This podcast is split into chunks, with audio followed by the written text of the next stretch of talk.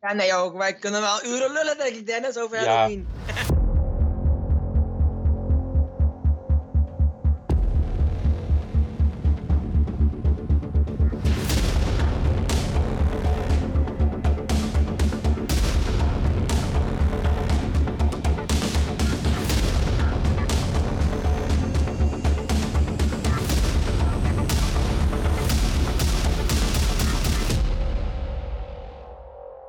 Bij Scarepot, Nederlandse eerste Halloween en Scare podcast. Dit keer heb ik een interview met Dion van de Near Dead Experience. Maar eerst de pre-show nieuws. Het Scare Event wordt verplaatst naar begin september. Binnenkort volgt hier meer informatie over. Je kunt op dit moment nog stemmen op de Scare Awards. Ga naar www.scareawards.nl en stem op je favoriete attractie van afgelopen seizoen. Heb je nieuws voor Scarepot? Neem dan contact met ons op via www.scarepot.nl slash contact of stuur een voiceclip naar 0647 648 666. Ik herhaal 0647 648 666. En dan komen we nu bij de main attraction.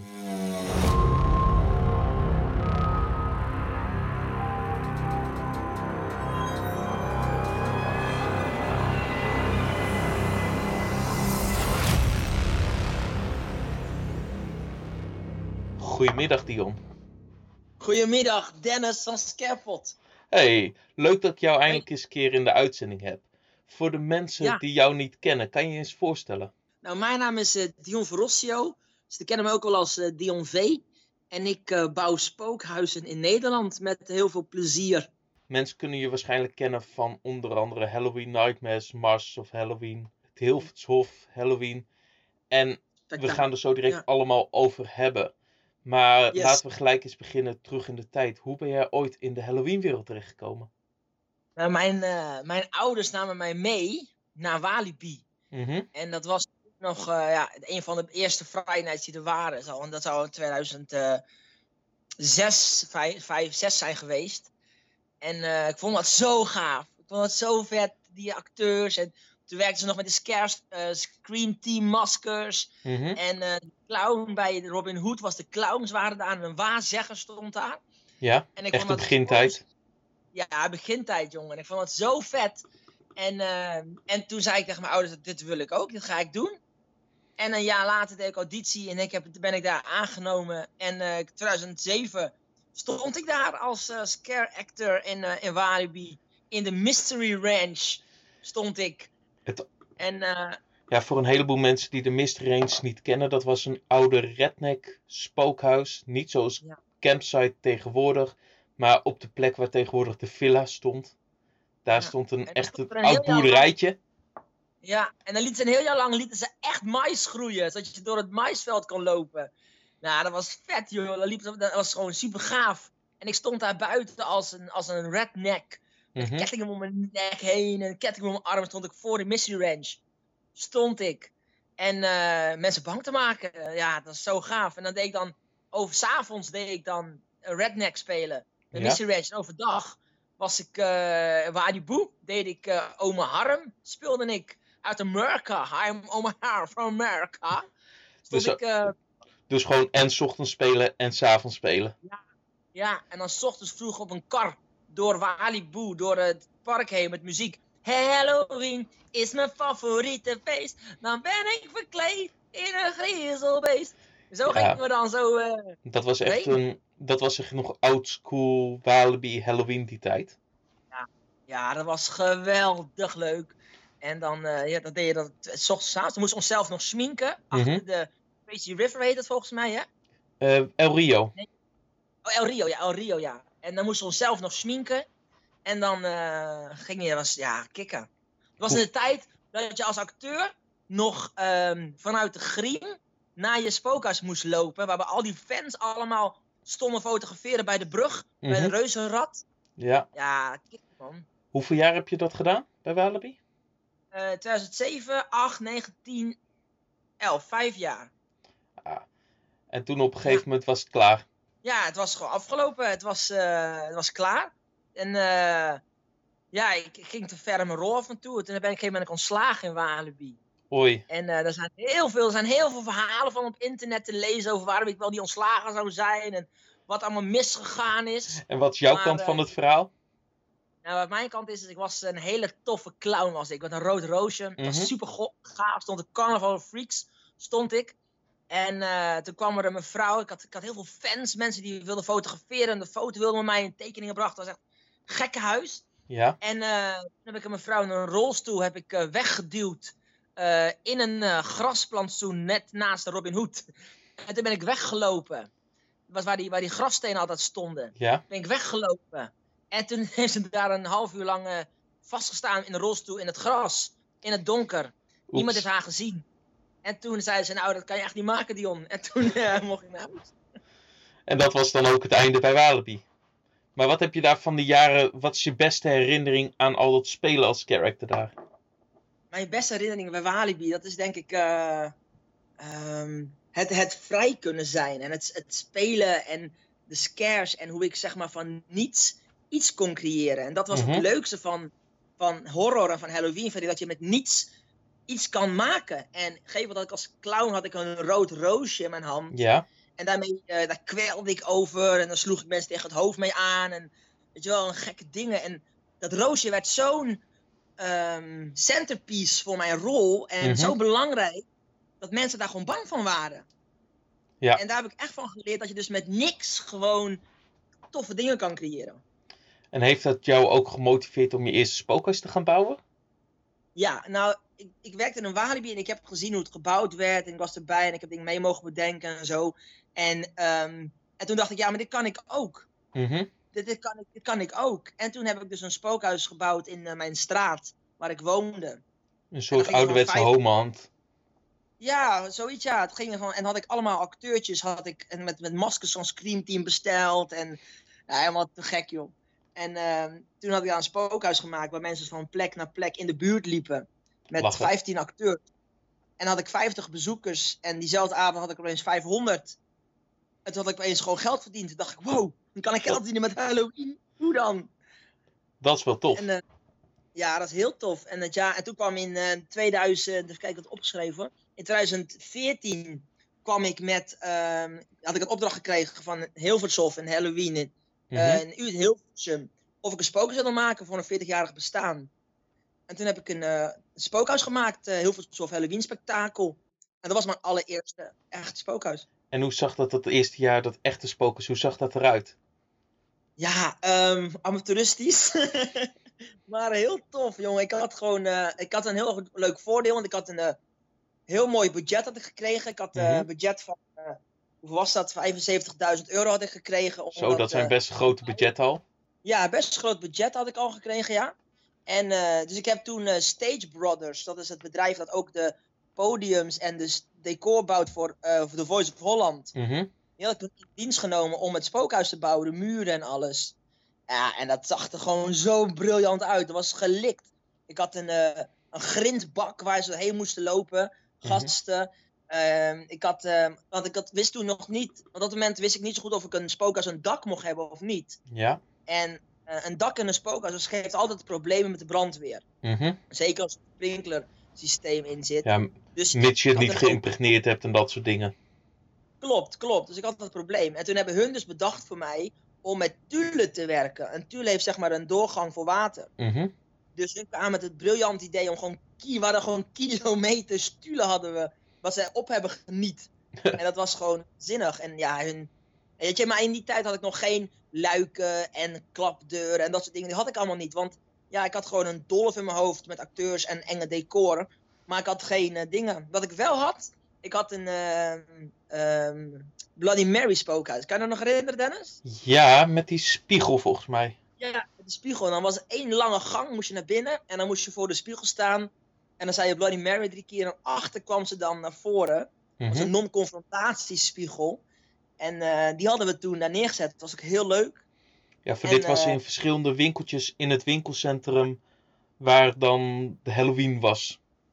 Ja, klopt. Ja, we hadden dus vier, vier winkeltjes. We hadden een kinderspookhuis, een Bloody Mary spookhuis, het grote spookhuis en we hadden een scare fotozone. Ehm, de, de Walking Dead, volgens mij de, ik weet niet hoe het heette meer. De Dead Famous of zoiets. En dan stond dan Freddy Krueger, Leatherface en Chucky stonden daar. En kwam met de foto.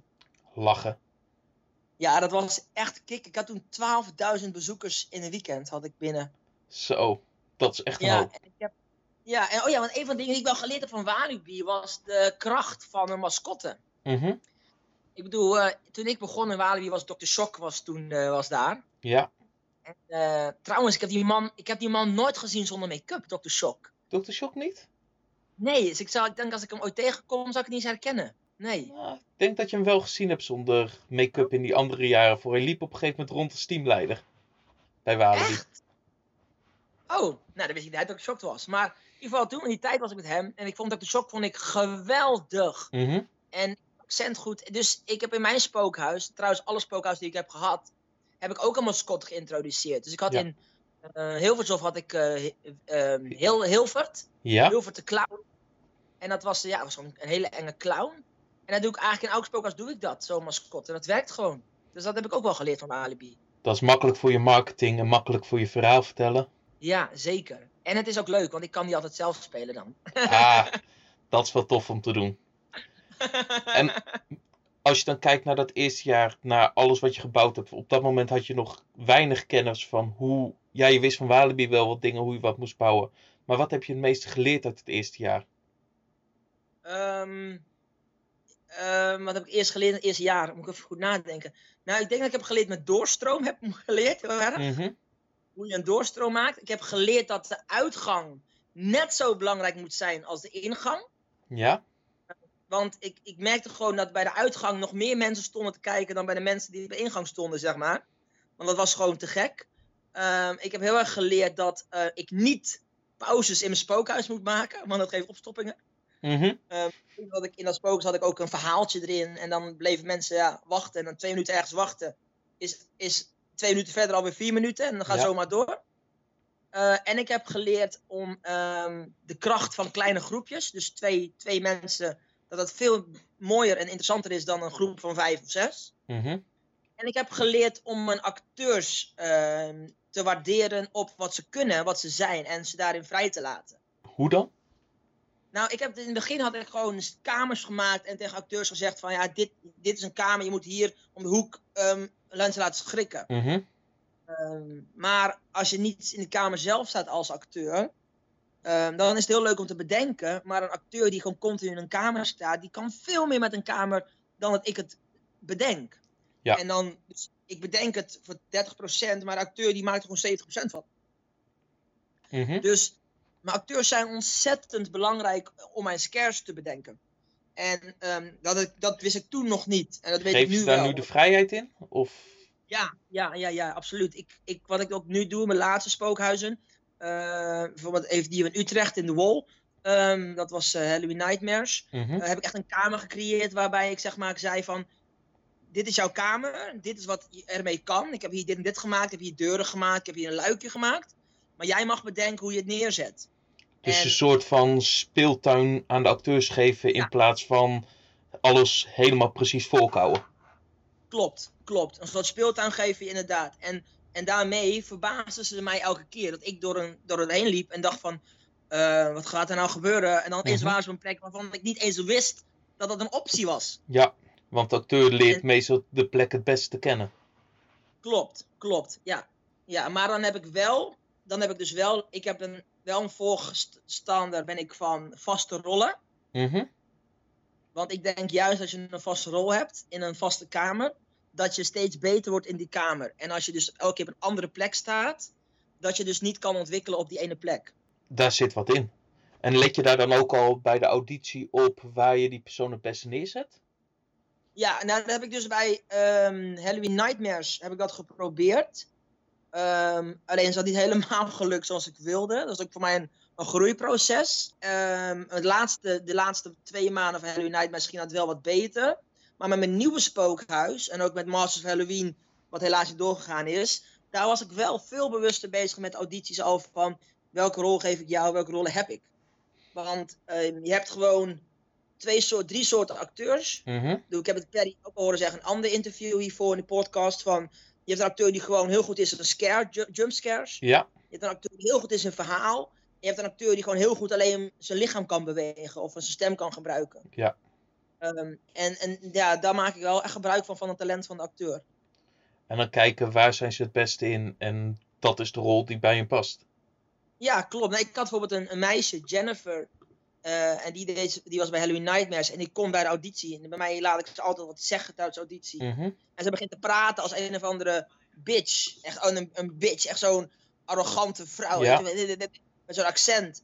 En toen wist ik gelijk, nou jij bent mijn doorbitch. Jij, jij Ja. moet vooraan van die mensen beledigen. Maar ja, en ik heb ook een acteurs ehm, die gewoon heel goed zijn met de kettingzaag. Ja, die moet je niet Ja. tegen mensen laten aanpraten. Nee, logisch. Maar we beginnen nu al een klein beetje over te gaan naar Halloween Nightmares. Ja. Voor de mensen die dat niet kennen, je tweede spookhuis in de Wol in Utrecht. Wat was dat? Ja, dat was mijn kindje. Dat was het geweldigste spookhuis ooit. Het was gewoon, ja, weet je, ik, je hebt, je hebt, ja, het is, dat was gewoon alles, Dennis. Maar dat was gewoon mijn, mijn, mijn alles. Als ik over praatte, ging ik helemaal te lachen. Mhm. Eh, het, was, het, was, het is mijn droom. Het is een idee wat ik al jaren had liggen na, na ehm, de Hilvershof. Dacht van, ja, dit wil ik. En toen heb ik eh, Janita Noorlander en eh, Wilbert Vernooy ontmoet. Eh, daar ben ik een samenwerking mee aangegaan. Wat achteraf helemaal fout is gelopen. Maar die geloofde in mij op dat moment. En die zijn mij, ja, die, hebben- die hebben mij dat avontuur aangegaan. Mhm. En ik had daar een enorm budget voor. Echt 129.000 euro, misschien wel meer. ehm, hadden we budget daarvoor. En daar hebben we toen een spokers gebouwd. Ehm, en ik heb er echt alle hulp van alle kanten gekregen. Ik had een timmerteam, ik had een bar, ik had alles wat ik wilde. Ehm, en dat was gewoon te gek. Ja, ik kon, ik kon met dat spokers alles doen wat ik wilde. Echt alles. Je had alle ruimte, je kon alle ideeën kon je kwijt. Ja, alle ideeën kon ik kwijt. Achteraf gezien had ik nog veel meer eruit willen halen.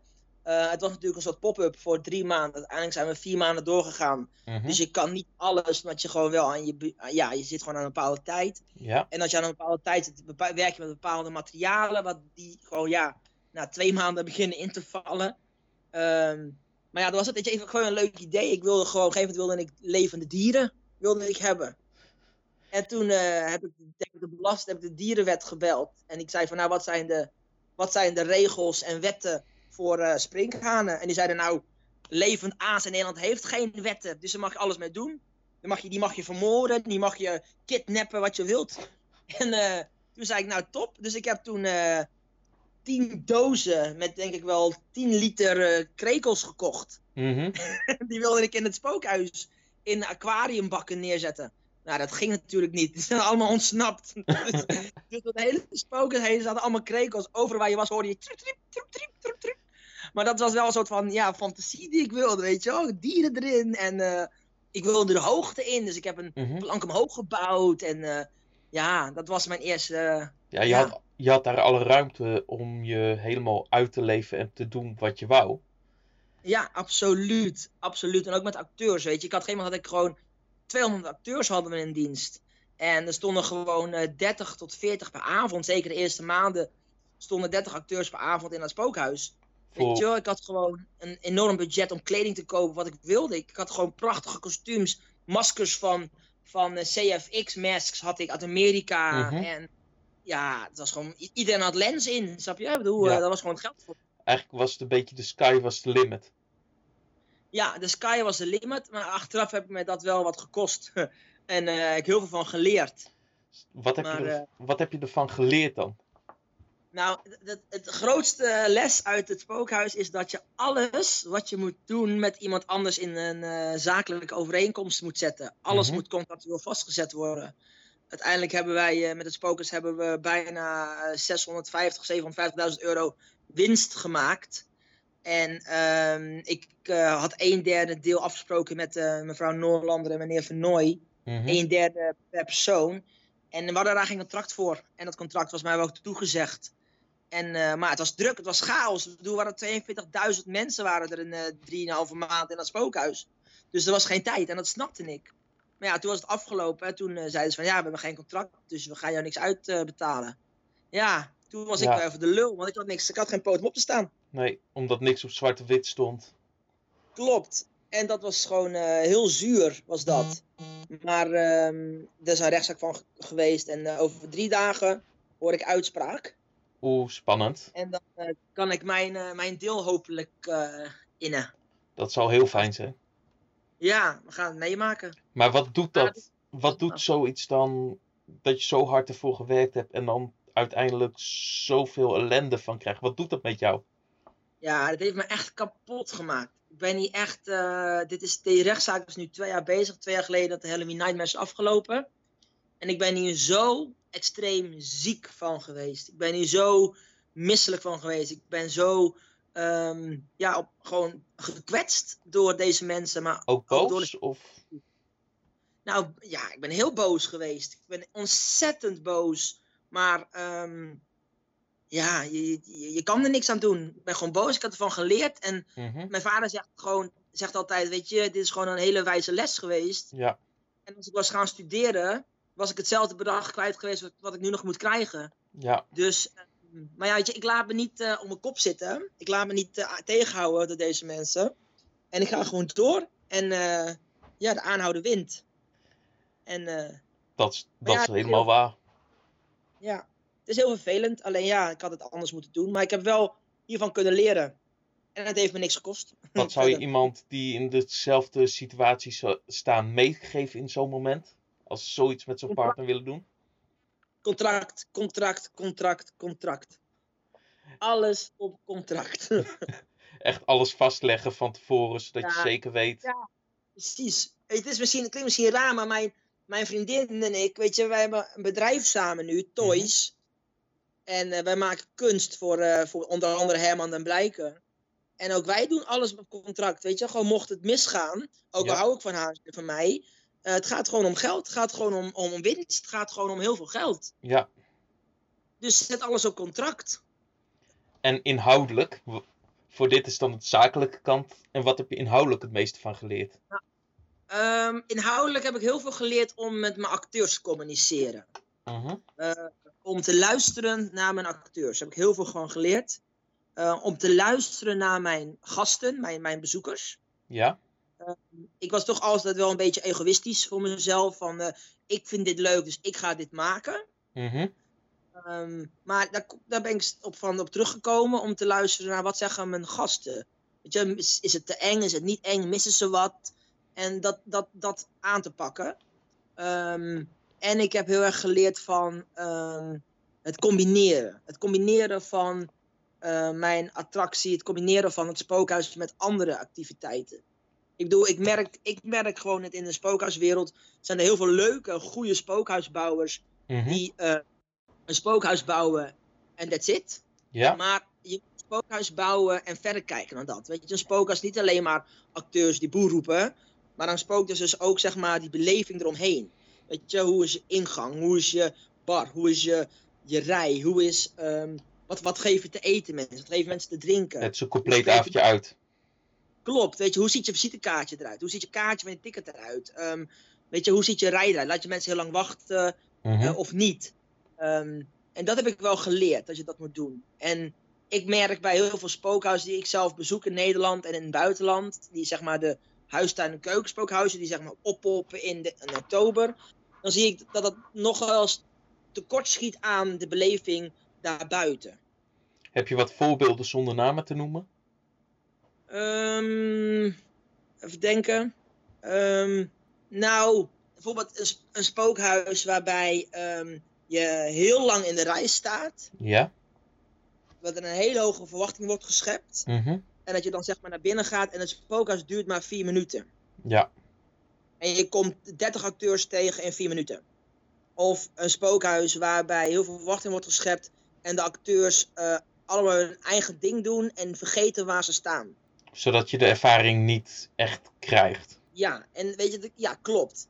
En ik vind ook heel jammer dat heel veel spookhuisbouwers hun acteurs niet aanspreken op, op wat, ze, wat, wat de mogelijkheden zijn, maar gewoon een acteur vrijlaat. Kijk, een acteur vrijlaten is goed. Ik Mhm. net zei, een grote speeltuin bouwen.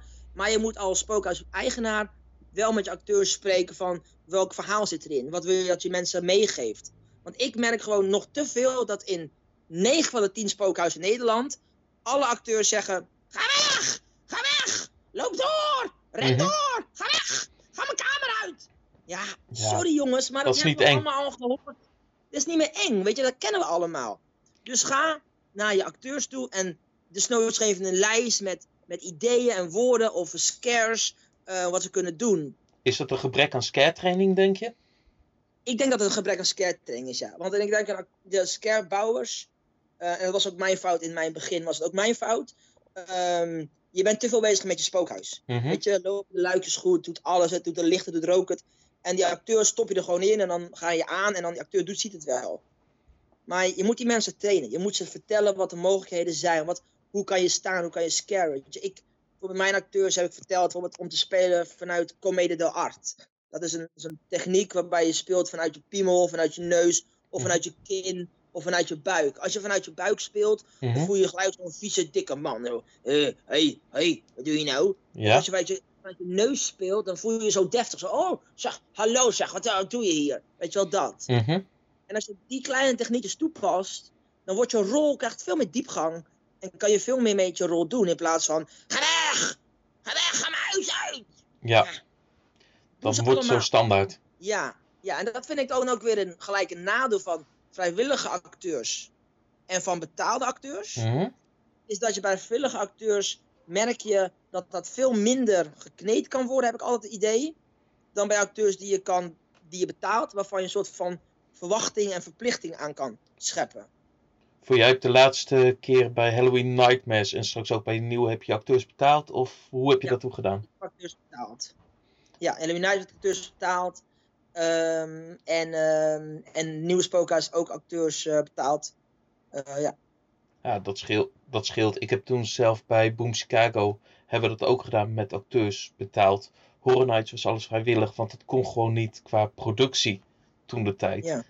En je merkt dan wel het verschil met dingen wat je van ze kan vragen en met hoe je met ze om kan gaan. Want op het moment Ja. als je een zakelijke relatie hebt in plaats van een vrijwillige relatie, dan kan je andere eisen stellen aan ze. Ja. ja, is ook zo. En ik heb ook wel gemerkt dat ehm, acteurs zijn, zeker scare actors, Mhm. zijn hele andere soort mensen dan mensen die bij een Albert Heijn achter de kassa werken, bij wijze van. Eh, Hoezo dat? acteurs, die willen- nou, die willen liefde, die willen gezien en gehoord worden, gehoorden. Mhm. En die willen weten dat ze het goed doen en weten dat ze goed zijn. En met z'n allen die saamhorigheid. En dat is, dat is het leuke van Halloween ook, dat je met z'n allen een team bent. Je en, maakt met z'n allen eh, het product. Klopt, klopt. En eh is ook een nieuwe spookhuis, is, is eh, wat ik nu mee bezig ben. Mhm. Ehm, daar heb ik echt een locatie gebouwd, ga ik bouwen, eh, waar de acteurs de acteurs kunnen zijn. Gewoon met, met toffe gekleurde muren, met een jukebox erin en een, en een flipperkast erin en een dit erin. En gewoon dat het echt een gezellige sfeer wordt waarbij de, waarbij de acteur zeg maar een uur van tevoren naar het spookhuis gaat, omdat het zo leuk is met elkaar. Zodat je plezier hebt in je werk. Klopt, weet je wel, ik, precies. Weet je, ik, ik merkte bij, in Utrecht, dan wilden acteurs wilden nog een drankje doen aan het einde van de avond. Mhm. En dat, dat wilde ik ook. Alleen dan ehm, zei de spookhuismanager, die zei dan van ja, eh, het is nu 12 uur, ik wil naar huis. En dat snap ik, dat snap Ja. ik heel goed. Dat is ook zijn goede recht. Hij hij krijgt betaald tot 12 uur. Mhm. Ehm, maar met spookhuisacteurs, scare actors, moet je gewoon dat uurtje lol hebben en een wijntje kunnen drinken. en je moet even dat ontlading, die moet je even hebben. Ja, dat moet. Je moet ze dat kunnen geven. Ja, Dus dat- ik heb in mijn nieuwe spookhuis ook gewoon echt daar een enorme ruimte voor gemaakt. Waarbij je echt gewoon apart kan griemen, apart kan aankleden. Ik heb een kledinguitgifte, kledinghok en een chillhok. Gewoon leuk. Ja, top. Ik ben zo direct heel benieuwd naar alle dingen over eh Near Death Experience gaat het worden. Ja, dat Of de Near Death Experience. Maar nog één stuk over de Halloween Nightmares. Ja. In het begin, toen, voordat Halloween Nightmares begon, was er al zoveel negatief nieuws over jou. Over het event voordat het begon. Wat, Ja. Zoals berichten op loopings, dat soort dingen. Wat heeft dat met jou als persoon gedaan? Nou, ik heb altijd ehm, een haat-liefde verhouding met loopings gehad. Mhm. Met We- Wessel, hè. Ja. En eh, altijd haat-liefde. Ene keer was het leuk, andere keer was het stom. Eh, in het begin was ik eh, heel erg... Ik vond, het verbaasde me heel erg wat er gebeurde. Mhm. Ik vond het heel vervelend. Ik heb er echt, ik heb er echt wel last van gehad. Kan je voor de Ja. mensen die niet weten wat er gebeurd is, een klein beetje uitleggen wat er gebeurd is? nou, ik kan wel vertellen. Het is namelijk in Helvershof hadden we een deal gemaakt met de opdrachtgever die mij het geld heeft betaald om te bouwen. Ja. Die wilde acteurs hebben. En ehm, die hadden we hadden toen 65 acteurs volgens mij met Halloween Hilvershof. Ja. En toen heb ik aangegeven dat die acteurs moesten eten en drinken en alles. En dat wij moesten eten tijdens de bouw. Mhm. En dat dat gewoon onder de onkosten viel. En dat ze dus ehm, dat we moesten eten. Ja. En eten en drinken, een broodje en een drankje 's middags. En die acteurs ook. Eh, en die kosten, die zijn allemaal voor het Hilvershof, waren die. Omdat zij ons hadden geboekt. Eh, achteraf bleek dat zij die kosten van het avondeten en het eten van de acteurs en van ons, dat ze Mhm. die een aparte factuur naar ons hadden gestuurd. Oh. En toen heb ik gezegd van nou, die factuur die ga ik niet betalen. Mhm. Want dat valt binnen de kosten van jullie. Jullie willen acteurs, jullie willen het bouwen. En dat zijn de kosten die erbij komen. Jullie willen acteurs niet betalen. Ja. Dus jullie zorgen dat acteurs een broodje en een drankje hebben. Nou, daar is toen oneenigheid over geweest. Eh, daar is toen eh, vanaf 2000... Nou, wanneer was het Hilvershof? Even kijken. 2014? Ja, 2014 was Hilvershof. Nou, dat is toen afgerond. Toen heb ik niks meer van hun gehoord. Mhm. En toen begon het spookhuis 2018 in, eh, in, eh, in Utrecht in de Wall. Halloween Ja. Nightmares. En toen eh, vonden ze het leuk om een media erbij te halen. Om te zeggen dat, ik nog, dat ze nog 2500 euro van mij kregen. En wat deed dat was dat, heel raar. wat dat- deed dat ja, met jou op dat moment? Ik vond dat zo kloten dat mensen dat, dat ze dan ja, jaloers zijn of dat ze het niet gunnen. Mhm. Om dan zomaar uit het niets na vier jaar niks te hebben gehoord van hun. Opeens te zeggen, Dion staat in de media, dus we gaan even negativiteit lullen. Ehm, ja, dat vond ik heel pijnlijk, heel vervelend. Ehm, ik snapte ook niet waar dat vandaan kwam, omdat we dat hadden afgerond al in 2014. Ja. Eh, dus dat was heel vervelend. En vervolgens ehm, zeiden ze dat, dat ik in Walibi was eh, ontslagen omdat ik eh, aan mensen had gezeten. Maar ja, ik heb dat verhaal nooit kunnen vertellen. Dit is de eerste keer Dat is net Dat het verhaal wat je toen net al verteld hebt. Ja, dit is echt de eerste keer dat ik het aan iemand buiten mijn familie en mijn vrienden om kan vertellen. Nu, Mhm. is hier voor heel Halloween-wereld die het hoort, heeft nu de waarheid gehoord. Dat is de reden waar ik ontslagen ben. Ehm, en wat Walibi, wat er loopings van gemaakt heeft, ja, dat is gewoon een, een verhaal, jongen. Dat is gewoon, eh, slaat nergens op. En ehm, in het begin wist ik niet hoe ik moest reageren op al die onzin en al die leugens. En die gekke verhalen die naar buiten kwamen. En dus is mij toen geadviseerd niet te reageren. Ja. Ehm, maar om niet te reageren ging looping steeds maar door, omdat ik niet reageerde. Ja, Eh, want die blijven en- prikken. Die blijven prikken en dat is mijn fout. Ik had eigenlijk misschien wel moeten reageren, met Wessel moeten bellen. En Mhm. tegenwoordig bel ik wel met Wessel en eh, heb ik contact met Wessel. Als ik iets nieuw projectje heb, dan bel ik hem even op van loopings. Ja. En eh, bijvoorbeeld het nieuwe spookhuis, daar heb ik hem, of nee, over Utrecht, over die eh, rechtszaak, hebben we ook even gebeld en over gesproken met elkaar. Mhm. En eh, dan vertel ik mijn kant. En dan is hij heel coulant. En dan schrijft hij een ja, iets positiever stukje. Het is altijd negatief. Dus je ziet heel weinig leuke dingen. Doe als er een achtbaan eh wieletje verliest, dan zijn de eerste die negatief over schrijven. En, Mhm. je, het is, ik heb gewoon gemerkt wel door de jaren heen dat de media is niet je allerbeste vriend. Ze zijn heel goed voor de marketing en heel Ja. erg leuk en gezellig.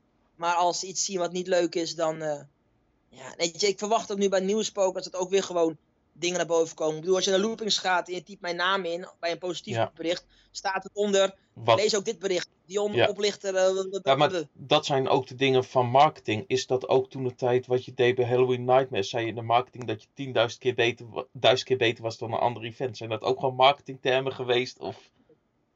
ja, ja, ik denk ook wel dat ik een beetje mee speel. Ik bedoel, ik merk dat in de Halloween-wereld niet iedereen even leuk met elkaar is. Voor dat, is ook, best wel dat is ook Michael die af en toe zegt van ja, ik ben het engste spookhuis van Nederland. En, Ja, dat zijn- maar Michael, kijk, maar Michael die heeft gewoon mijn, eh, mijn zinnen gejat. Want ik was de grootste spookers van de Benelux. En het jaar erop was Michael opeens de engste spokers van de Benelux. Dus ehm, dat is wel een beetje hoe het gaat in de wereld. Mhm. Maar dat is niet erg. Maar het is niet erg. Maar, ehm, Ja, maar is dat ja, zoiets wat je kan zeggen op dat moment? Of moet je dat ook bewijzen dat je dat ook echt bent? Voor dat is, nou, het is altijd zo'n, ik vind zo'n weegschaal waar je op zit. Ene kant wil je zeggen van ja, we zijn het engste. Maar wat is het engste? Dat is voor iedereen relatief. Ja, ja het is, dat is ook zo. En je hebt ook wel zeker gelijk. Maar ik denk dat ik... eh, ik ben een commerciële man. Mhm. Mijn spookhuizen zijn voornamelijk commercieel. Ja. Eh, ik vind het heel erg leuk om te doen. Het spookhuis bouw ik met alle liefde. Geweldig. Maar eindstand wil ik gewoon mijn huis van betalen. En wil ik gewoon een hele mooie auto rijden. Ja. Ehm, eh, maar spookhuizen maak ik met liefde en is, is mijn passie. Mhm. Maar ik moet ook leven.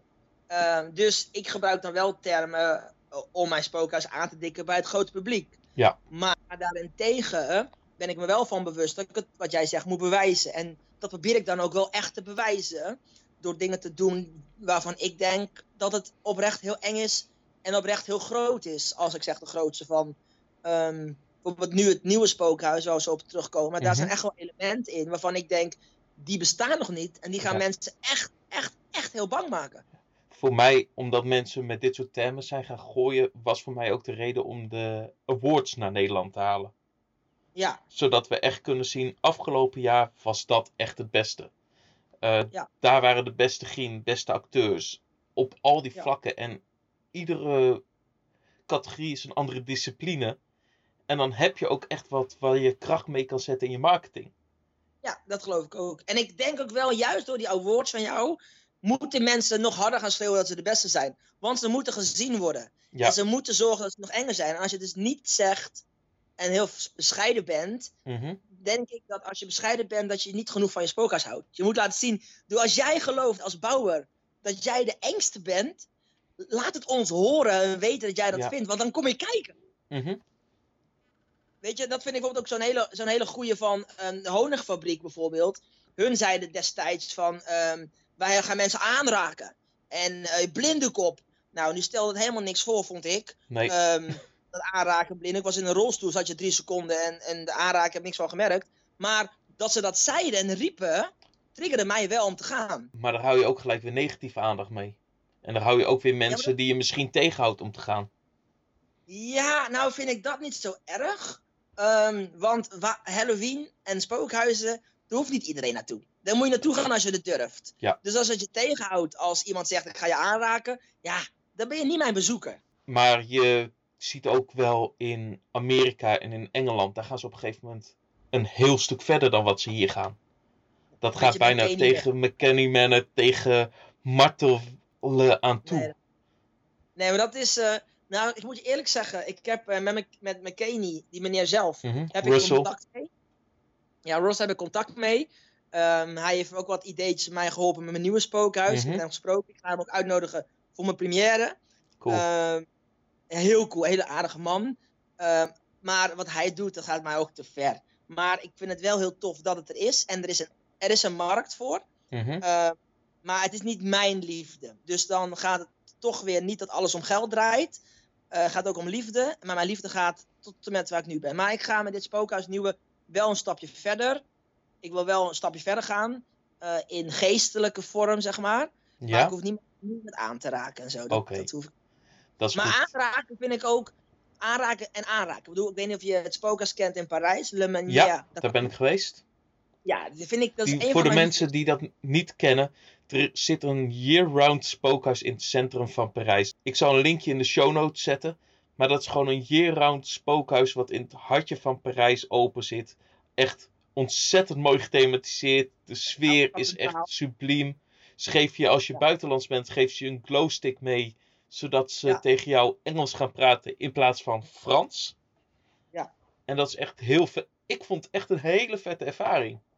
Maar ze doen. Maar hun hebben allerlei eh, extra belevingen. Zoals schuine wanden, Mhm. 90 graden eh, vloeren, Ja, ehm, tunnels, eh, glijbaan. Alles hebben die mensen. Dus dat is te gek. En, maar hun hebben, raak je ook aan. Maar hun raak je echt aan met een doel. ja. Dus op een gegeven moment zit je bij een kapper in een stoel.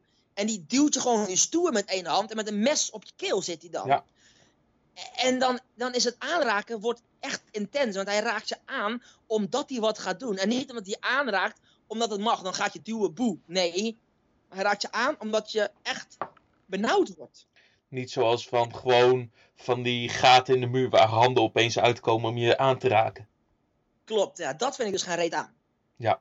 Maar echt aanraken met een doel, dat is zo, zo gaaf. Ik ben Ja. benieuwd. Maar we Ja. zijn nu, eigenlijk hebben we Halloween Nightmares een beetje afgerond al. Ja. En dan komen we eigenlijk bij je volgende project.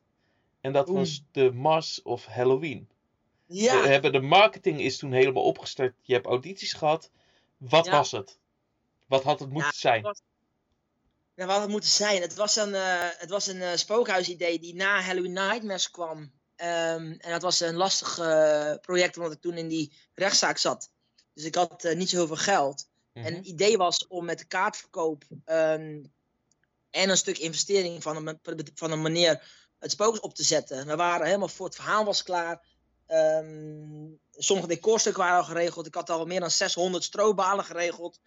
Eh, wat was een buitenevenement op een campingterrein Ja, in Beest. Eh, en dan zouden we groepjes van eh, 20 man zouden dan een heel verhaal beleven. Een beetje à la de dungeons, alleen dan Mhm. buiten.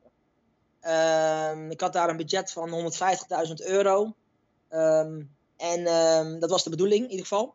ja. En het kwamen audities.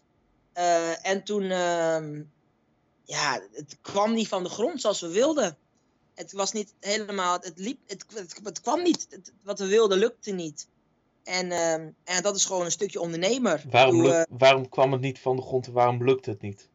nou, we kregen niet zo'n hele goede medewerker van de locatie. Mhm. Die, ehm, die hadden dit- dit nog nooit gedaan. En die waren eigenlijk dicht in de periode dat wij ehm, de spooktocht wilden gaan doen. Het was een spooktocht buiten.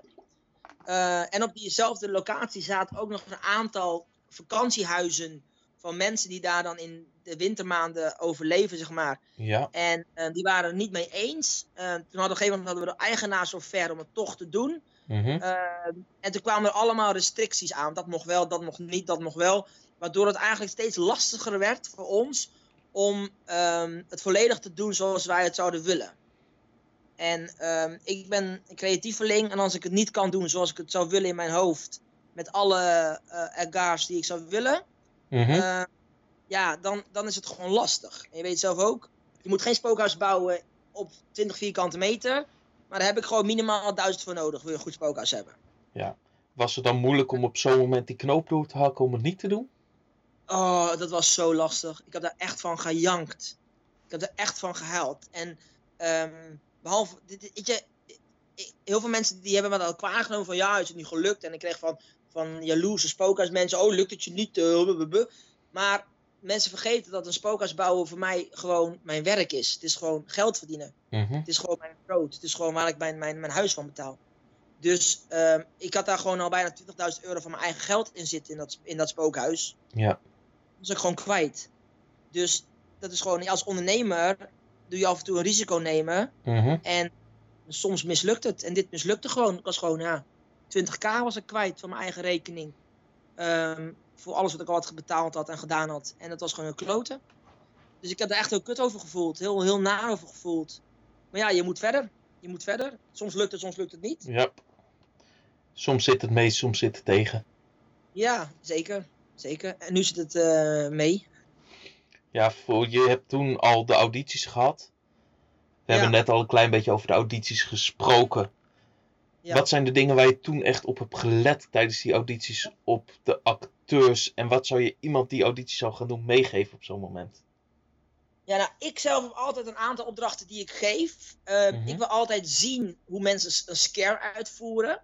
Ja, Ehm, dus iemand, ik zet dan iemand neer in de ruimte en dan zeg ik, nou, laat deze persoon maar schrikken. Maar die persoon hoeft niet te schrikken.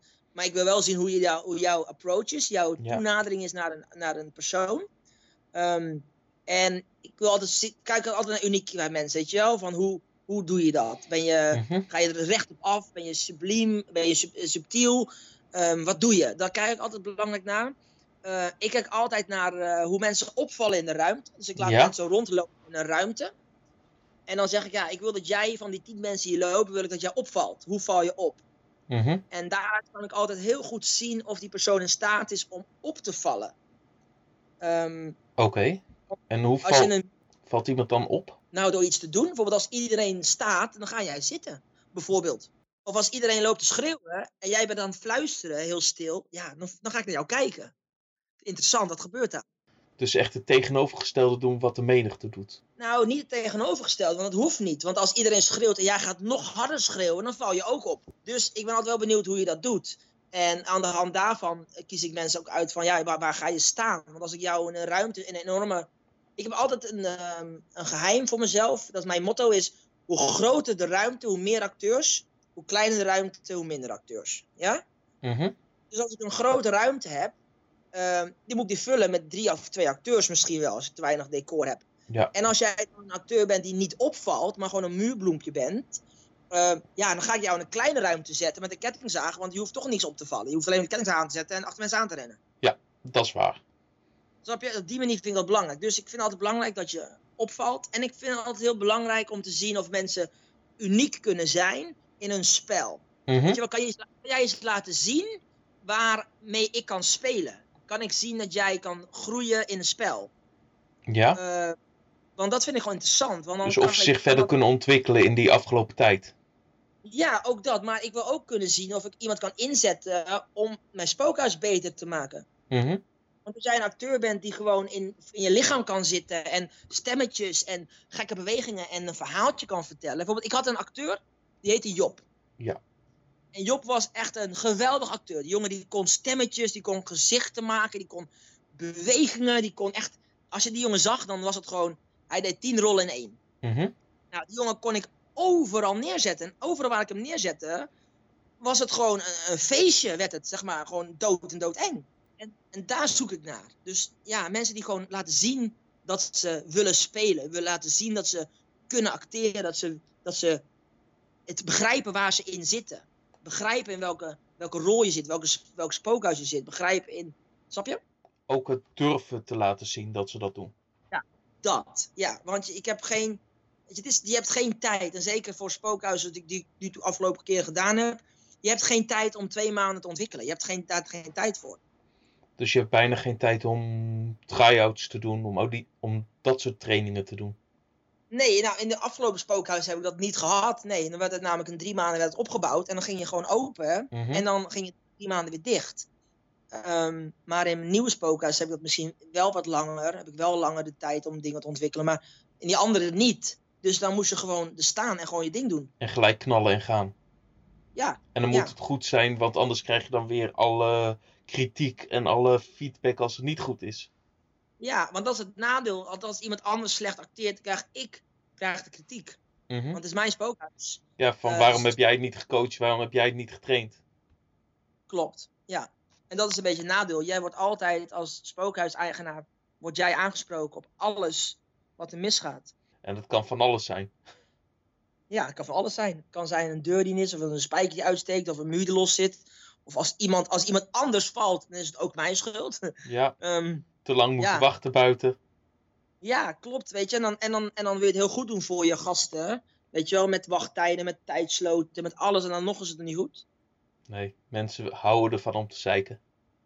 Ja, maar ja, ik inmiddels leren mee omgaan. Ze hebben toch al betaald. Als mensen lopen te zeiken, te zeuren, dat, dat je minder raakt. Wat heeft jou die knop doen omzetten en hoe heb je dat gedaan? Nou, omdat het zo vaak is gebeurd, dat ik eh er gewoon heb gedacht van ja, dat is het zo. En ik, en ik heb gewoon geleerd om, om te delegeren. Mensen in te Mhm. zetten op plekken die beter zijn in dingen die ik kan. Dus je moet mij niet hoofdpersoonzaken neerzetten. Je moet mij gewoon lekker creatief laten. En, dat eh, jij kan bezig kan zijn met de dingen die je leuk vindt. Ja, klopt. Ik heb bijvoorbeeld een Halloween Nightmares. Ging ik s'avonds, zet ik, een, zet ik eh, een pallet had ik neergezet bij de ingang. Mhm. En dan zat ik de hele avond zat ik te kijken naar de rij als eigenaar. Zat ik te kijken naar mensen die naar binnen gingen en naar buiten gingen. En alle Mhm. klachten die gingen allemaal naar de spookhuismanager. Hoefde niet eens aan te doen. En aan het einde van de avond hoorde ik wat er aan de hand was. En dan zei ik, eh, goed opgelost hè. En dan eh, ging ik naar huis. Ah, dat is wel heel fijn. Ja. Ja, ik bijvoorbeeld nieuwe, nieuwe spokers heb ik ook. Heb ik al een spookhuismanager. Ik heb een marketingteam. Ik heb een sales. Ehm, dus ik besteed alles uit wat ik zelf niet kan. Ja, dat, dat is wel een belangrijke les dat je dat hebt geleerd, denk ik. Dus je moet zorgen dat je wat je niet kan, eh, dat je het anderen laat doen. Mhm. Die dat wel kunnen.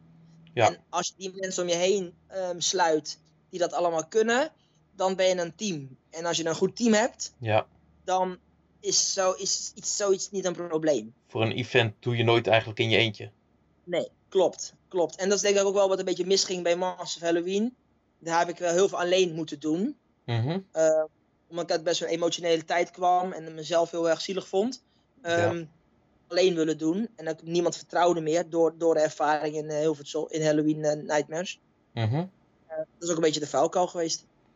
Ja, en daar heb je nu van herpakt en nu ben je bezig met je nieuwe project Near Ja. Death Experience. Ja, en ik Wat heb gaat met het iedereen in contact. het gaat eh, het grootste spookhuis van Europa worden, Dennis. Dus het gaat groter worden dan Le, Le Manoir du Paris. Ja, ik, eh, we zijn daar geweest, nog twee maanden geleden. Nou, hoe lang zijn we geweest? In eh, januari zijn we daar geweest nog, Le Mans à Paris. Ik heb daar een rondleiding gekregen, we zijn daar gaan kijken, was helemaal geweldig weer. En eh, we worden groter dan Le Mans à Paris. Ah, vet. En wat gaat het nog meer inhouden? Nou, het is, een, het is gewoon een spookhuis, Mhm. waarbij mensen een uur lang in rondlopen. Ja, begin tot eind. En dat, die uur ga ik verzekeren aan de gasten. Ehm, in mijn vorige spookhuis vond ik het altijd heel vervelend dat, dat sommige mensen er een half uur over deden en andere mensen een kwartier over deden. ja. Dat is een van mijn erge punten in mijn eigen spookhuis, maar ook bij andermans spookhuizen. Dat je altijd denkt dat het heel lang duurt. En dat eh eigenlijk niet zo. Maar Voor dat is heel moeilijk om die tijd te garanderen, omdat je soms te snel loopt, soms te langzaam loopt. Het hangt heel erg af van de groep en van het spel van je acteurs. Klopt. En ik ga in dit spookhuis ga ik een uur garanderen aan mijn gasten. Mhm. Ehm, het wordt een eh, spookhuisbeleving, een, echt een avondje uit. Een, eh, een horror attractie, zou ik wel kunnen zeggen. Waarbij je een combinatie hebt van een horrorfilm kijken, een echte bioscoop. Ik heb een bioscoop waar 950 mensen in kunnen. dat is eh, best het een is een- grote unit. Ja, ik, heb een, eh, ik ga nog niet zeggen waar het is. Mhm. eh, want dat wil ik nog een beetje geheim houden voor de marketing. We hebben een heel marketingplan en dat heeft een strategie hebben we daarvoor. Maar ik kan zeggen dat het de buurt van Amsterdam is. Ehm, we hebben een enorme locatie waarbij we beschikken over een theater, eh, een, een eh, club, een discotheek, een restaurant. Alles hebben we erbij. Alles is van Near Death Experience. Dus behalve het restaurant, dat wordt een samenwerking met een eh, ander bedrijf. Ehm, dus mensen gaan een avondje uit. Ze gaan eten, ze gaan naar de bioscoop, ze gaan naar het spookhuis. Ehm, ze hebben een, allemaal spookhuisactiviteiten gaan we aanbieden. Dat mensen dus lekker kunnen chillen. eh, een hapje en een drankje. Eh, dat is het eigenlijk. En het spookhuis wordt... een- Dus echt een onderdeel van een complete experience. ja, een complete experience, ja. Mijn droom is ooit een eh, horror attractiepark te maken. Mhm. Maar dat is nu nog eh, geen geld genoeg voor. maar eh, dit is het begin, zeg maar. En hoe zou, je zo, hoe zal dat eruit zien als je in de ideale wereld je had, de sky is the limit, hoe zou je ideale attractiepark, er- horror attractiepark eruit zien? Ja, dat is een, een attractiepark die in de avonduren open gaat. Mhm. En eh, met eh achtbanen, een felrode achtbaan met zo'n grote, met een karretje met zo'n mond met tanden eraan. Die dan zo'n tunnel gaat. En drie, vier spookhuizen. ehm, botsauto's met geesten erop. eh, een, karretje spookhuis. Ehm, een soort draaimolen in plaats van paarden. Allemaal zombies waar je op kan zitten. eh rode suikerspinnen. ehm, eh, nou, dat soort dingen, joh. Gekkigheid. echt bijna een compleet echt pretpark voor de avonduren met alles erop en eraan. Ja, dat lijkt me geweldig. Lijkt me geweldig. Ja, het is Ja. altijd een droom om naar te, toe te leven. Ja, nou, ik ben ermee bezig. Ik wil, eh, de bedoeling is dat we 1 oktober open gaan. Mhm. Met Near Death Experience. We hebben, we ook, wij hebben ook best wel wat last van de corona. Hebben wij last Ja. van. Ehm, dus daar hebben wij, eh, de bedoeling was dat we eigenlijk al eh, drie maanden geleden zouden gaan eh, beginnen met bouwen. Mhm. Bouwen is wat uitgesteld. Eh, maar we zijn, eh, ja, we zijn heel goed bezig. En eh, ja, 1 oktober is ons doel. Alleen de corona geeft nog wel wat eh, problemen hier en daar. Maar eh, alles is rond. Moet je daar nog rekening mee gaan houden hoe de acteurs gaan spelen? Ja, nou, we hebben, we hebben wel wat. eh, wij kunnen gewoon open in, 1 ok- op- in oktober. Eh, we hebben ook een hele goede, briljante corona-proof maatregel. Dat wij gewoon nog steeds 100 gasten per uur naar binnen kunnen laten. Oké. Eh, hoe is nog een geheim, want anders gaan ze het jatten. en de acteurs, qua, heb ik ook nog wel een idee over hoe die ehm, op een manier kunnen spelen dat zij wel dicht bij de acteurs kunnen komen, bij de gasten kunnen komen. En wij gaan werken met animatronics voor het eerste jaar, om toch een beetje minder acteurs in te zetten en meer scares als in animatronics en wat andere dingen. Ja, dat, En ehm, dat is een veilige manier om een scare te geven op dit moment op afstand. ja, ja, ik ben er zelf helemaal geen fan van, van animatronics. Mhm. eigenlijk allemaal heel eh, slecht. Maar degene die wij nu hebben laten maken in een bedrijf in Nederland. En we gaan ook werken met eh, wat, wat mijn droom was. Ik wilde heel graag ehm, scares bedenken Mhm. die echt voelen. Ja. Dus ik wil mensen echt het gevoel geven dat ze verbrand worden. Levend verbrand worden. Dus ik Heftig. heb een. eh, ja, dat zijn dingen die ik heel tof vind. Dus ik. Op een gegeven moment kwam zeg maar die claustrofobia, die kwam op een gegeven moment hè, met die eh, Mhm. luchtzakken. Ja. Ik ben er nooit echt een fan van geweest. En ik, ben, ik, vind dat, ik vond dat nooit eng. Voor de mensen die het niet kennen, dat is zo'n tunnel met twee van die kussens die tegen elkaar aangedrukt zijn waar je dan tussendoor loopt. Nou, ik vond die nooit zo eng. Ik begreep nooit zo goed wat daar eng van was. Maar Mhm. ik begreep wel wat de bedoeling was van, die, van, die, syst- van dat systeem. Ja. Ehm, en ik vind het heel tof. Dus ik heb dat soort dingen ben ik gaan bedenken. Mhm. En ik heb dus iets bedacht om mensen levend te laten verbranden. Ehm, en ik heb eh, iets bedacht om mensen het gevoel te geven dat ze eh, echt claustrofobisch worden. Dat, dat dingen in elkaar zakken. En dat soort dingen wil ik eh, meer gaan doen. Tof. Ja. ja, en ik wil gewoon, ik hou van grote dingen. Ik hou van, ik hou van sloopauto's. Er komt een beetje van Mystery Ranch. Dan had je zeg maar, na die aliens had je allemaal die van sloopauto's. En daar ben ik gewoon een beetje besmet mee geraakt. Dus ik heb ook sloopauto's, ik heb een bus, ik heb een vrachtwagen. eh, Ja, als je container. Als je de ruimte hebt, dan kan het. Ja, ik heb echt heel veel ruimte. Ah. Ja. Voor hoe groot gaat het worden? Hoeveel vierkante meter? 2500. Zo. Bijna, bijna drie. Iets, iets meer dan 2,5, maar bijna drie. Zo. Dus, eh, ja, maar dat is alleen maar het spookhuis, hè? Mhm. Er komt nog meer bij van de andere areas. En, eh, maar wat ik wel heb, zeg maar, is dat ik heel veel spookhuismakers, eh, creators die ook misschien wel luisteren, ik heb heel veel bezocht. En alles wat ik mooi vond en tof vond, heb ik een beetje meegenomen en mijn eigen ding van gemaakt. Eh, en dat ga ik ook hierin gebruiken. Dus ik heb gewoon heel, ja, bijvoorbeeld, ik heb bijvoorbeeld, ehm, ja, wat nog meer, bijvoorbeeld, bijvoorbeeld Me, die heeft zeg maar dat, eh dat hoede het meest, weet je Mhm. wel Ja. dat heb, heb ik natuurlijk ook gebruikt in Hilvershof. eh en in, in, in, in eh, Halloween Nightmares. Ehm, Ja. ja. dat is nu wel, vind ik weer een beetje oud. Maar heb ik wel mijn eigen vorm van gemaakt nu. Ja. Dat ik denk van, ja, weet je, dat is tof. Het werkt. Maar ik maak er mijn eigen ding van. Ehm, en dat soort dingen heb ik gebruikt. Net zoals dingen die me bijblijven, zoals die auto's van Mystery Ranch. Dat is me bijgebleven. En dat gebruik ik eigenlijk bij elk spookhuis. Dus je- Walibi had, Mystery Ranch hadden ze zeg maar een, een deur waar je erheen moest kruipen als je er binnenkwam, Mystery Ranch. Mhm. Nou, dat vond ik geweldig. Vond ik Ja. geweldig dat je dat doen. Nou, dat heb ik dus nu weer. Weet je, dat zijn dingen die me bijblijven. De dingen En, die mensen ongemakkelijk maken. klopt, weet je dat. En bijvoorbeeld in Mystery Ranch had je ook een, een parcours waardoor je door kippengaas heen liep. En er was een stroboscoop en dan waren Mhm. er elke was er een kooi. Ja, dat, dat is nog steeds bijgebleven. Dus dat, dat, zoiets heb ik ook nu ook weer, weet je wel. Dat is gewoon, dat blijft gewoon een soort van rode draad. En ik, je ziet ook wel met spookhuismakers, als je vaker gaat, herken je dingen van een spookhuismaker. Ja. Want je, die doet dat altijd, doet dat altijd. En dan bij mij zie je dat ook. Ik ben gek op, eh, op, eh, ja, op zigzagjes en Mhm. op deuren en op eh ja, stroboscopen. Dat zijn wel mijn dingetjes. Nou, maar ben je, je zegt nu zo van mystery range, dat soort dingen. Ben je niet bang dat je kritiek krijgt van, oh, alles is gejat? Of geef je er genoeg je eigen draai aan? Nou, ten eerste mogen zeggen dat ik gejat heb. Mhm, Beter goed gejat dan slecht nagedaan. Dat is waar. Dus ik denk ja. En het is ook een compliment naar eh, andere spookhuismakers toe. Doordat ik dingen jat. eh, om te laten zien, kijk, dit is zo tof van jullie dat ik het nadoe. Ehm, ik geloof ook dat er geen één spookhuismaker in Nederland is die alles zelf bedacht heeft, maar ook gewoon weer van andere spookhuizen uit Amerika komen. Klopt, voordat ze Dus- net, net die hoe het meest. Wij hadden toen Ja. bij Horror Nights in Hilversum als eerste. Maar wij hadden het ook weer uit Engeland. Ja. Nou, toevallig zei mijn vriendin zei gisteren tegen mij: Je kan eigenlijk niks zelf bedenken als je het niet eerder gezien hebt of inspiratie van hebt gehad. Mhm. Dus alles wat ik doe is zeg maar ehm, ja, inspiratie van anderen. En als er kritiek op is, ja, dan moet je gewoon niet naar het spookhuis komen. Ja, mensen zullen altijd kritiek hebben. Altijd. Weet je? En ik ben entertainer, ik ben een creator, ik ben een imagineer.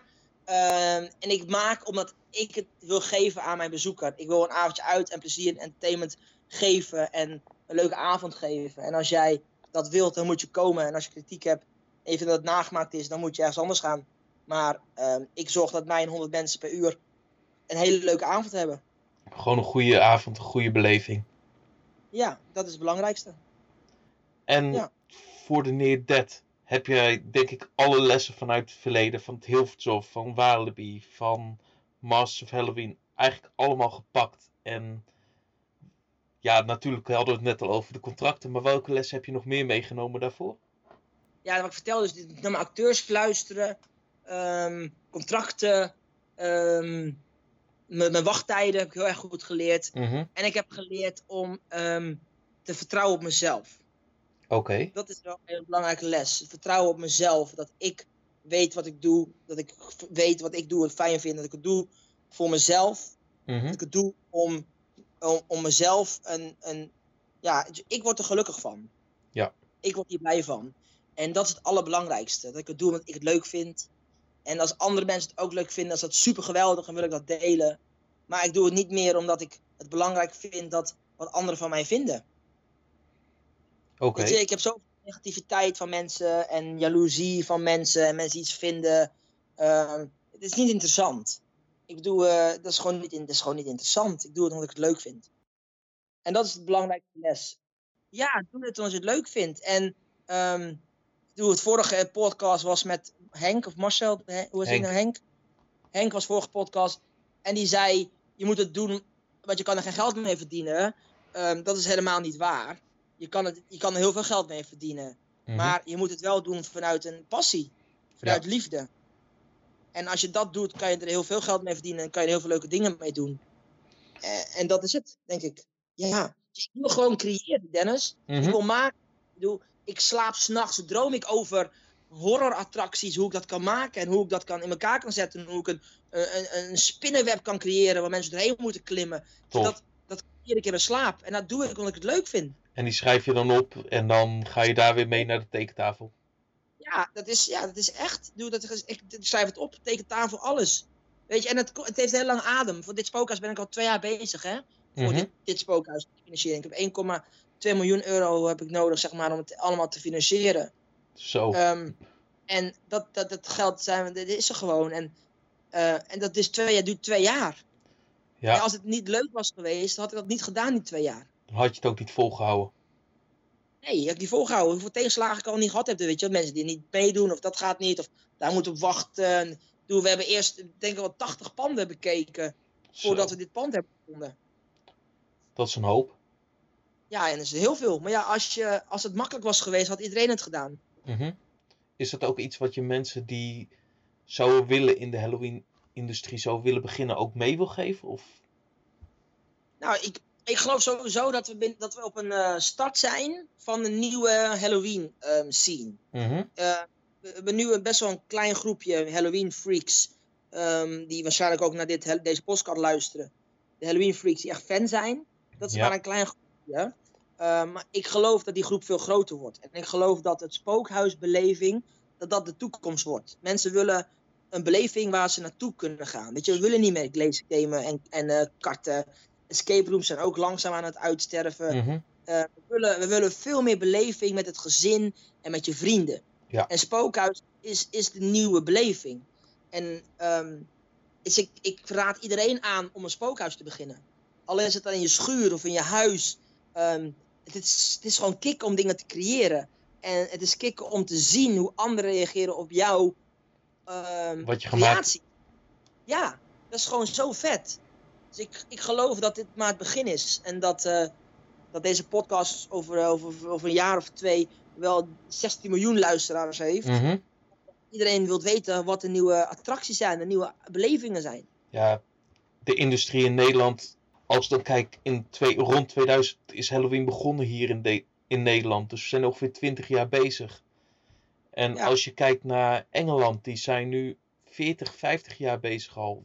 Amerika nog veel langer. En hoe groot het Ja. daar al is. het is bijna, ik heb- nog, heb- bijna zo groot als kerst.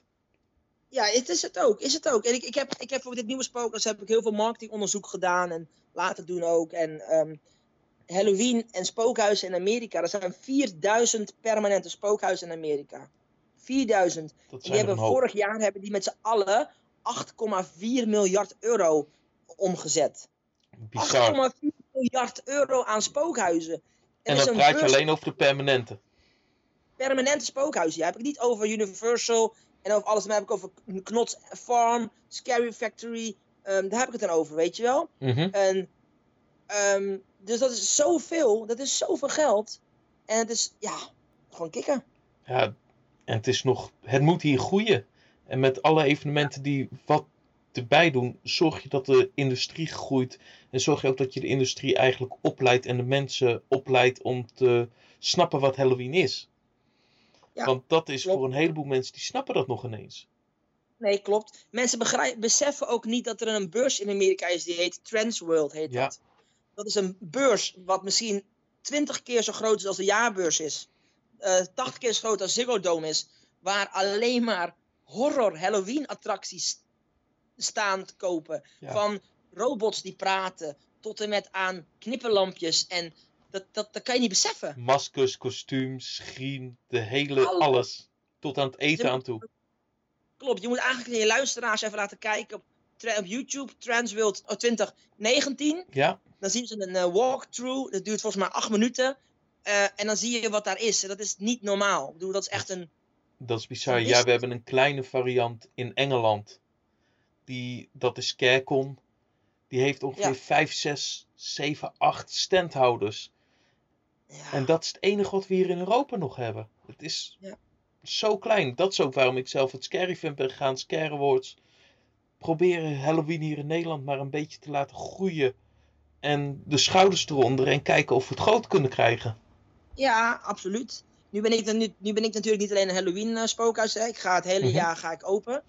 We hebben een eh, contract voor, eh, voor acht jaar. Zo, Dus ik ga acht jaar sowieso open. tof. Ehm, ja, heel tof. Dus ik ben dan year-round ben ik. Maar Mhm. eh, we gaan natuurlijk met Halloween gaan we echt wel aparte dingen doen en eh, toffe evenementen geven. Ehm, maar ja, ik, ze moeten gewoon, er moet gewoon meer komen. Weet je, het is gewoon tof. Ja, bijvoorbeeld, zo'n meisjeskamer in Mhm. Breukelen volgens mij van Ja. Bunnik. Bunnik. Ja, dat is ook gewoon zo'n toffe beleving. Dat is, die mensen hebben dat zo waanzinnig tof gedaan. Dat is gewoon, dat is, dat is wat wij Nederlanders willen. Je wil een beleving, Alleen- je wil een ervaring.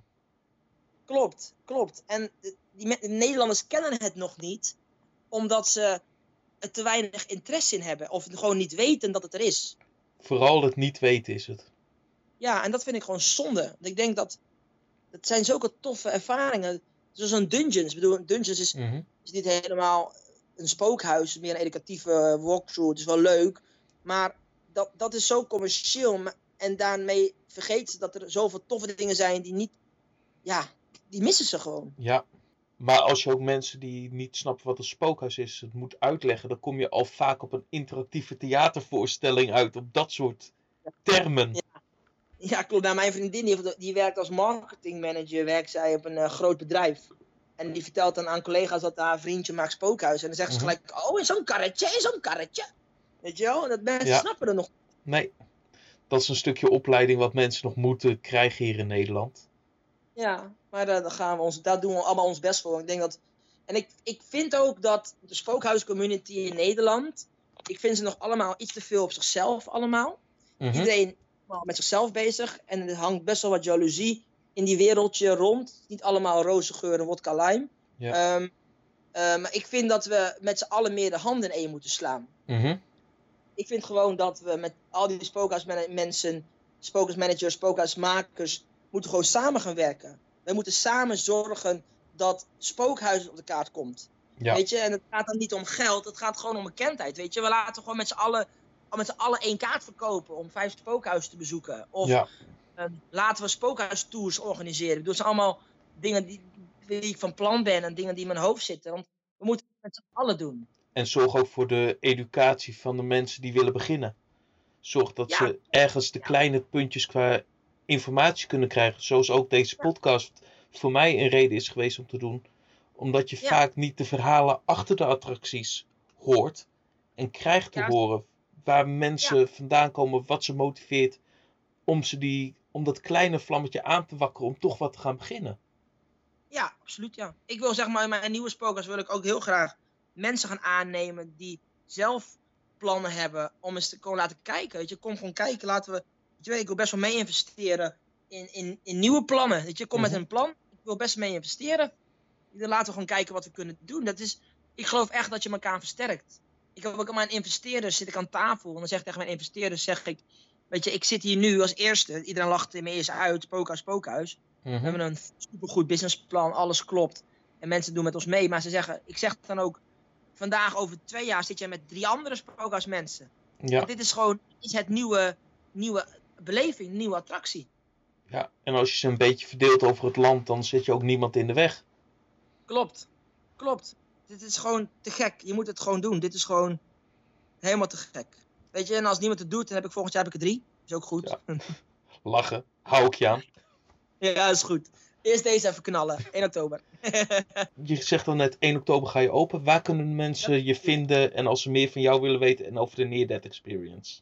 Ja, ik moet wel verduidelijken dat de bedoeling is 1 oktober. Wij lopen gewoon wat achter met de corona. Dus wij, wij, wij proberen echt 1 oktober. Alleen ja, er zijn wat eh haakjes en oogjes nu met de corona. Mhm. Maar eh, waar ze ons kunnen vinden, dat is op www.neardeathexperience.nl. Ik zou hem ook even in de show notes zetten. Ja, helemaal goed. Eh, daar kan je alles zien. Eh, we beginnen volgende week of anderhalf week beginnen we met de kaartverkoop. Mhm. Eh, ja, mijn vriendin kijkt me heel boos aan. Dus ik denk twee weken. We beginnen met de kaartverkoop. Zij is de marketing manager hier. Ik denk wat handen geven, anders zeg ik verkeerde dingen. Dus over twee weken staan die op de website. En ehm, ja, dat is het. Eh 1 oktober gaan we open. Audities, ehm, denk ik, gaan beginnen in eh, juli, augustus. Komen de audities. Laat me weten wanneer die zijn, dan zou ik ze ook even opnemen in de pre-show nieuws. Perfect. Ik laat je dat op tijd weten. Wij zijn echt op zoek naar 300 acteurs eh, die bij ons willen werken op contract. Mhm. We zullen er dan eh, 20 à 30 per avond werken.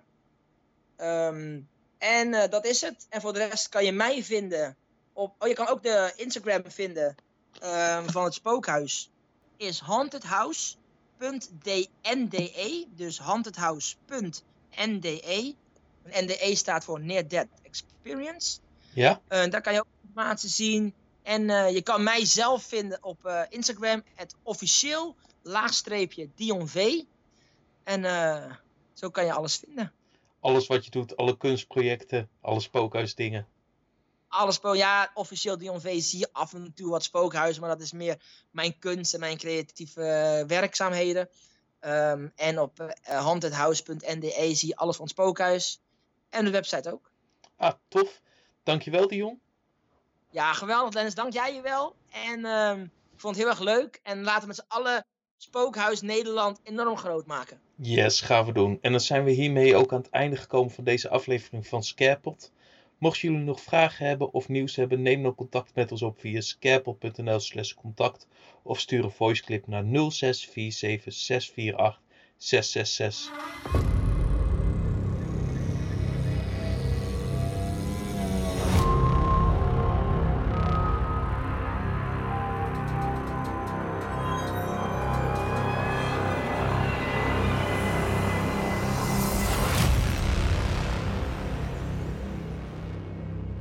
bit scary.